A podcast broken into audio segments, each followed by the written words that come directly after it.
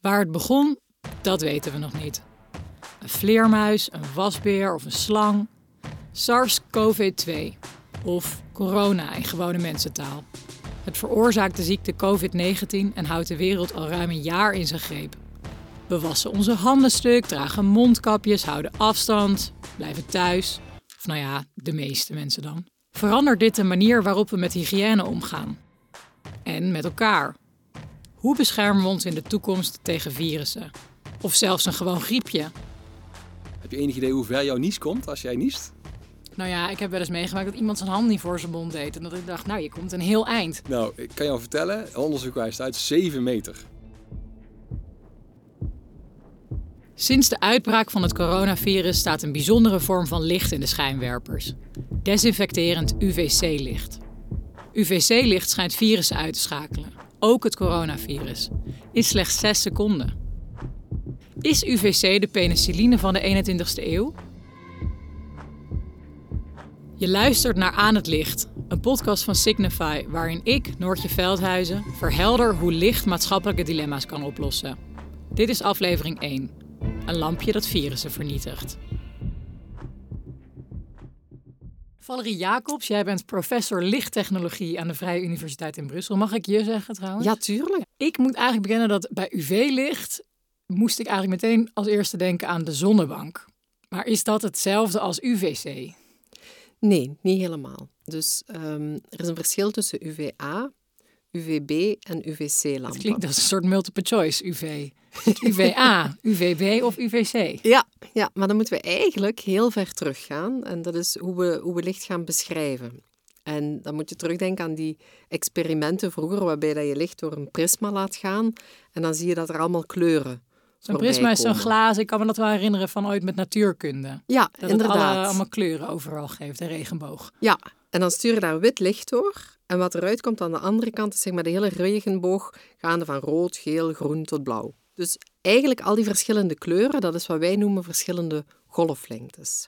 En het infrarood is een gedeelte wat we niet kunnen zien. En ook het UV is een gedeelte wat we niet kunnen zien. En net zoals we verschillende kleuren hebben, zeg maar geel, groen en blauw, hebben we ook in dat UV-licht verschillende golflengtes of verschillende kleuren, zouden we kunnen zeggen.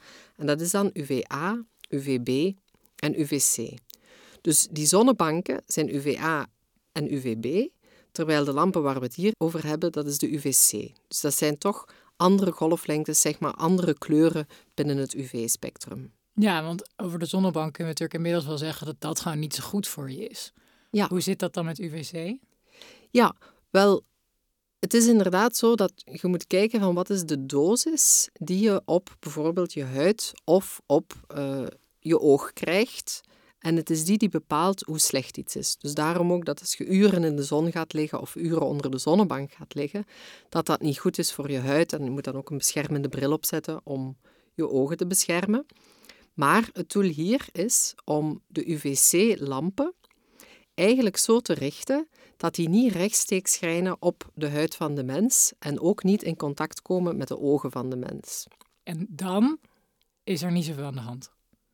Als dat niet gebeurt. Nee, als dat niet gebeurt, dan, dan is dat zeker veilig. Als we dan kijken naar het licht van de zon, dan zien we dat de UVA, dus zeg maar de langste golflengte binnen de UV's, um, dat die het aardoppervlak bereiken, maar dat zijn dus de veiligste, want die hebben de laagste energie. De UVB's die geraken door de ozonlaag en die hebben al een kortere golflengte, dus een hogere energie en dus ook meer gevaar voor ons. Vandaar dat ook die UVB uh, in de, in de zonnecentra gevaarlijk is. En tot slot, de UVC, die, die zouden wel schadelijk zijn, maar die worden gefilterd door de ozonlaag en die bereiken dus het aardoppervlak niet. En ondanks het feit dat ze dus een hogere energie hebben, zijn ze minder schadelijk omdat ze ons niet bereiken, tenminste als, als ze van de zon komen. Als we ze zelf gaan produceren, moeten we natuurlijk wel voorzichtig zijn. En hoe kun je UVC-licht dan wel inzetten?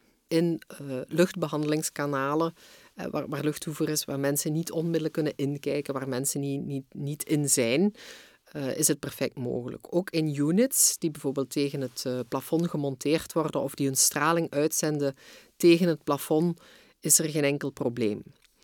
Uh, wel kleine kanttekening dat je rekening moet houden dat licht gereflecteerd wordt eens dat het op een oppervlak terechtkomt. En dat dus een bepaalde ratio, een bepaald deel van het licht dat op het plafond terechtkomt, gereflecteerd wordt naar de omgeving. En bij gevolg word je wel blootgesteld aan een beperktere dosis UVC-licht door reflectie. Maar die, die reflectiewaardes uh, die zijn doorgaans zo laag dat in het algemeen um, de stelling nu is dat, dat dat geen gevaar is.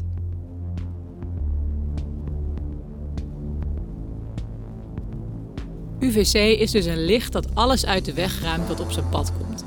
En al tijden wordt ingezet om te ontsmetten. Vorig jaar ontdekten onderzoekers van de Boston University dat bepaalde doses UVC-licht ook COVID-19 bijna volledig onschadelijk maken.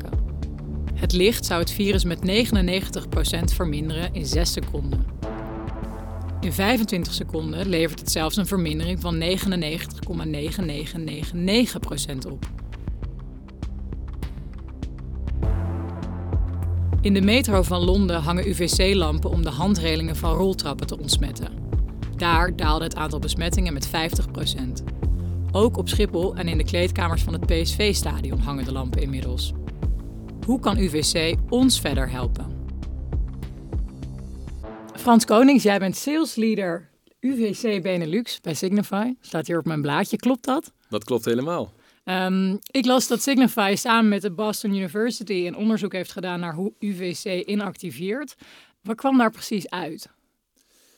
Ja, kijk, we weten dat licht, en met name het UVC-licht, dat het een desinfecterend spectrum is. En eh, dat betekent dat, eh, dat virussen die met, in aanraking komen met lichtstralen die UVC bevatten, dat die onschadelijk gemaakt worden. En vervolgens krijg je de pandemie waar we nu mee te maken hebben. En dan is de vraag, ehm, heeft dat licht, dat UVC-licht, dan ook effect exact op het COVID? En dat heeft Boston University onderzocht. En daaruit is gebleken dat na zes seconden uh, in aanraking komen met het licht door het virus, dat het daarmee geïnactiveerd is, dus dat het onschadelijk gemaakt is. We gaan heel even zes seconden stil zijn, dan kun je inschatten hoeveel of hoe weinig dat eigenlijk is.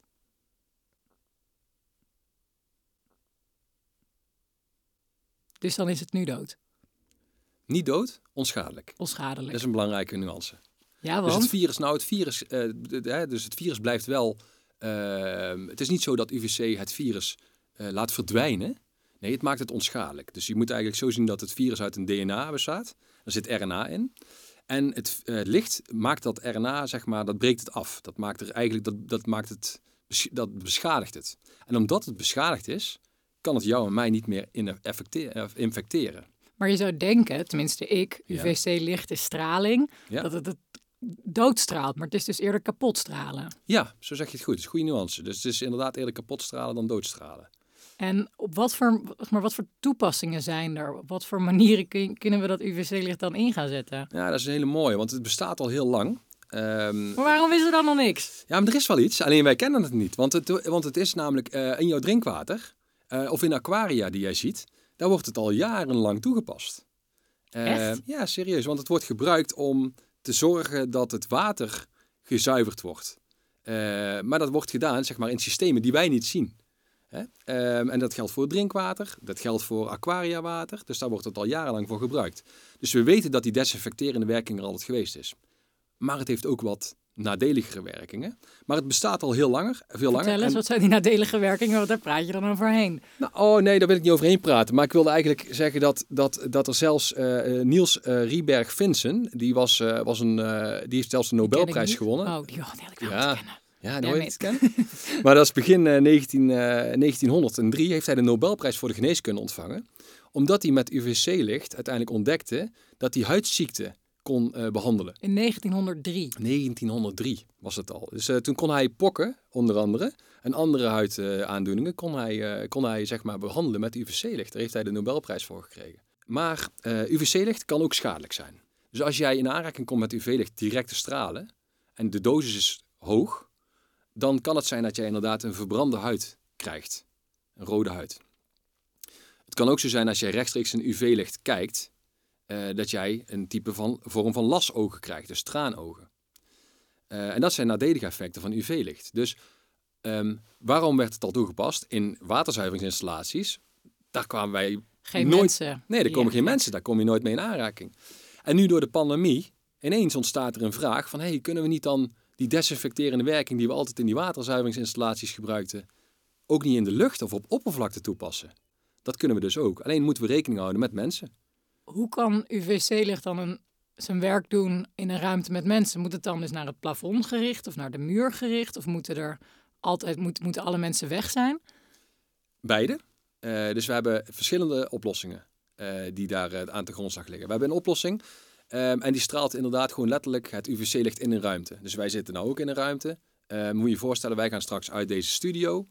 Ehm, en dan wil je eigenlijk de oppervlakte die wij hebben aangeraakt, die zouden mogelijk besmet kunnen zijn door ons. Ik ongeacht of we het weten ja of nee.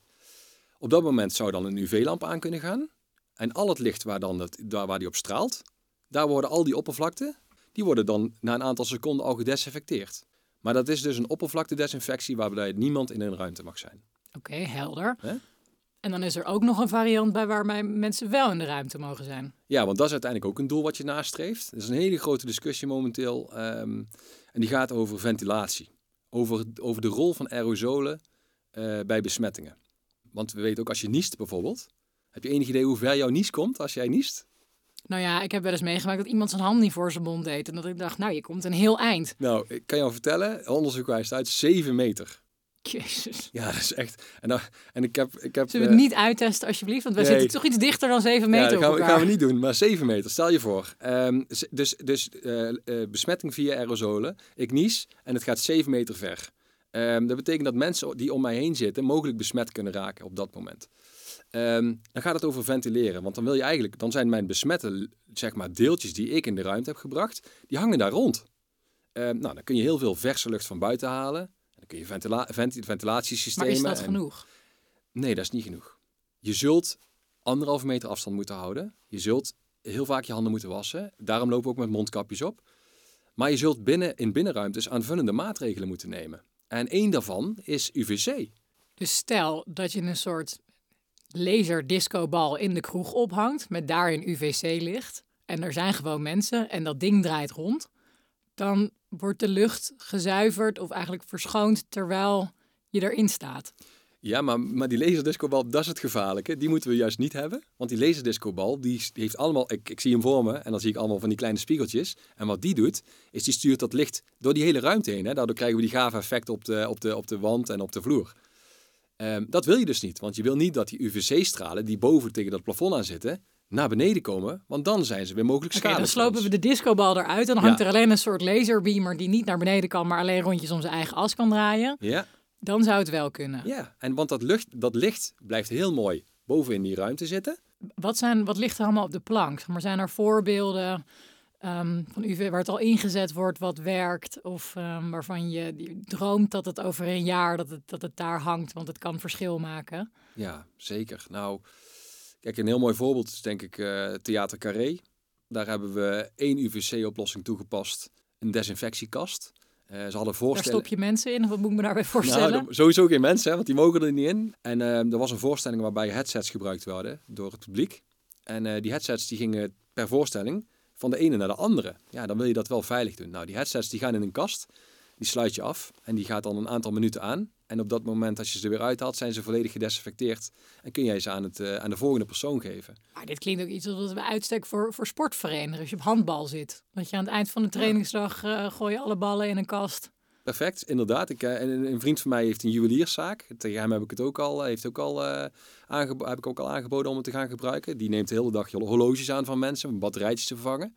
Ja, krijgt hij een horloge, dat komt van iemands pols af. Ja, dat is mogelijk besmet. Dus ik zei ook tegen hem, je legt het even in die kast. Je Ja, repareert, je legt ja. hem terug. Nou, ehm, nou de- en naast Carré overigens hebben we ook PSV. eh, de kleedkamer van de, van de voetbalclub. Eh, ook van de tegenstander overigens, die is ook gedaan. Sportief van jullie. Ja, ja, zo zijn we dan. Ehm, maar de, de kleedkamers hebben we eh, ook met, met, die, met die luchtdesinfectietoestellen geïnstalleerd. En nou ben ik niet zo heel dol op schoonmaken. Dus dan heb ik gelukkig iemand die dat af en toe bij mij thuis komt doen. Ehm, Goed geregeld. maar kan ik dan ook bedenken, nou, ik, ik, ik, het hangt ze in mijn huis op. Ga ik slapen, zet ik ze aan. Volgende dag, hele huis schoon. Ja, voor thuis. Eh, de table lamp. Eh, table, dus dat is desinfectie voor in je woonkamers. eh, en die straalt rondom 25 vierkante meter UVC-licht uit. Daarbij mag je ook niet in de ruimte zijn. Dus er zitten sensoren op. Die geven ook zeg maar mondeling gesproken waarschuwingen voor. Wat zeggen ze dan? Ja, uh, let op, uh, de, het apparaat schakelt zich in. Zorg dat je de ruimte verlaat. En op het moment dat de ruimte verlaat... Dat is eng in je eigen huis, toch?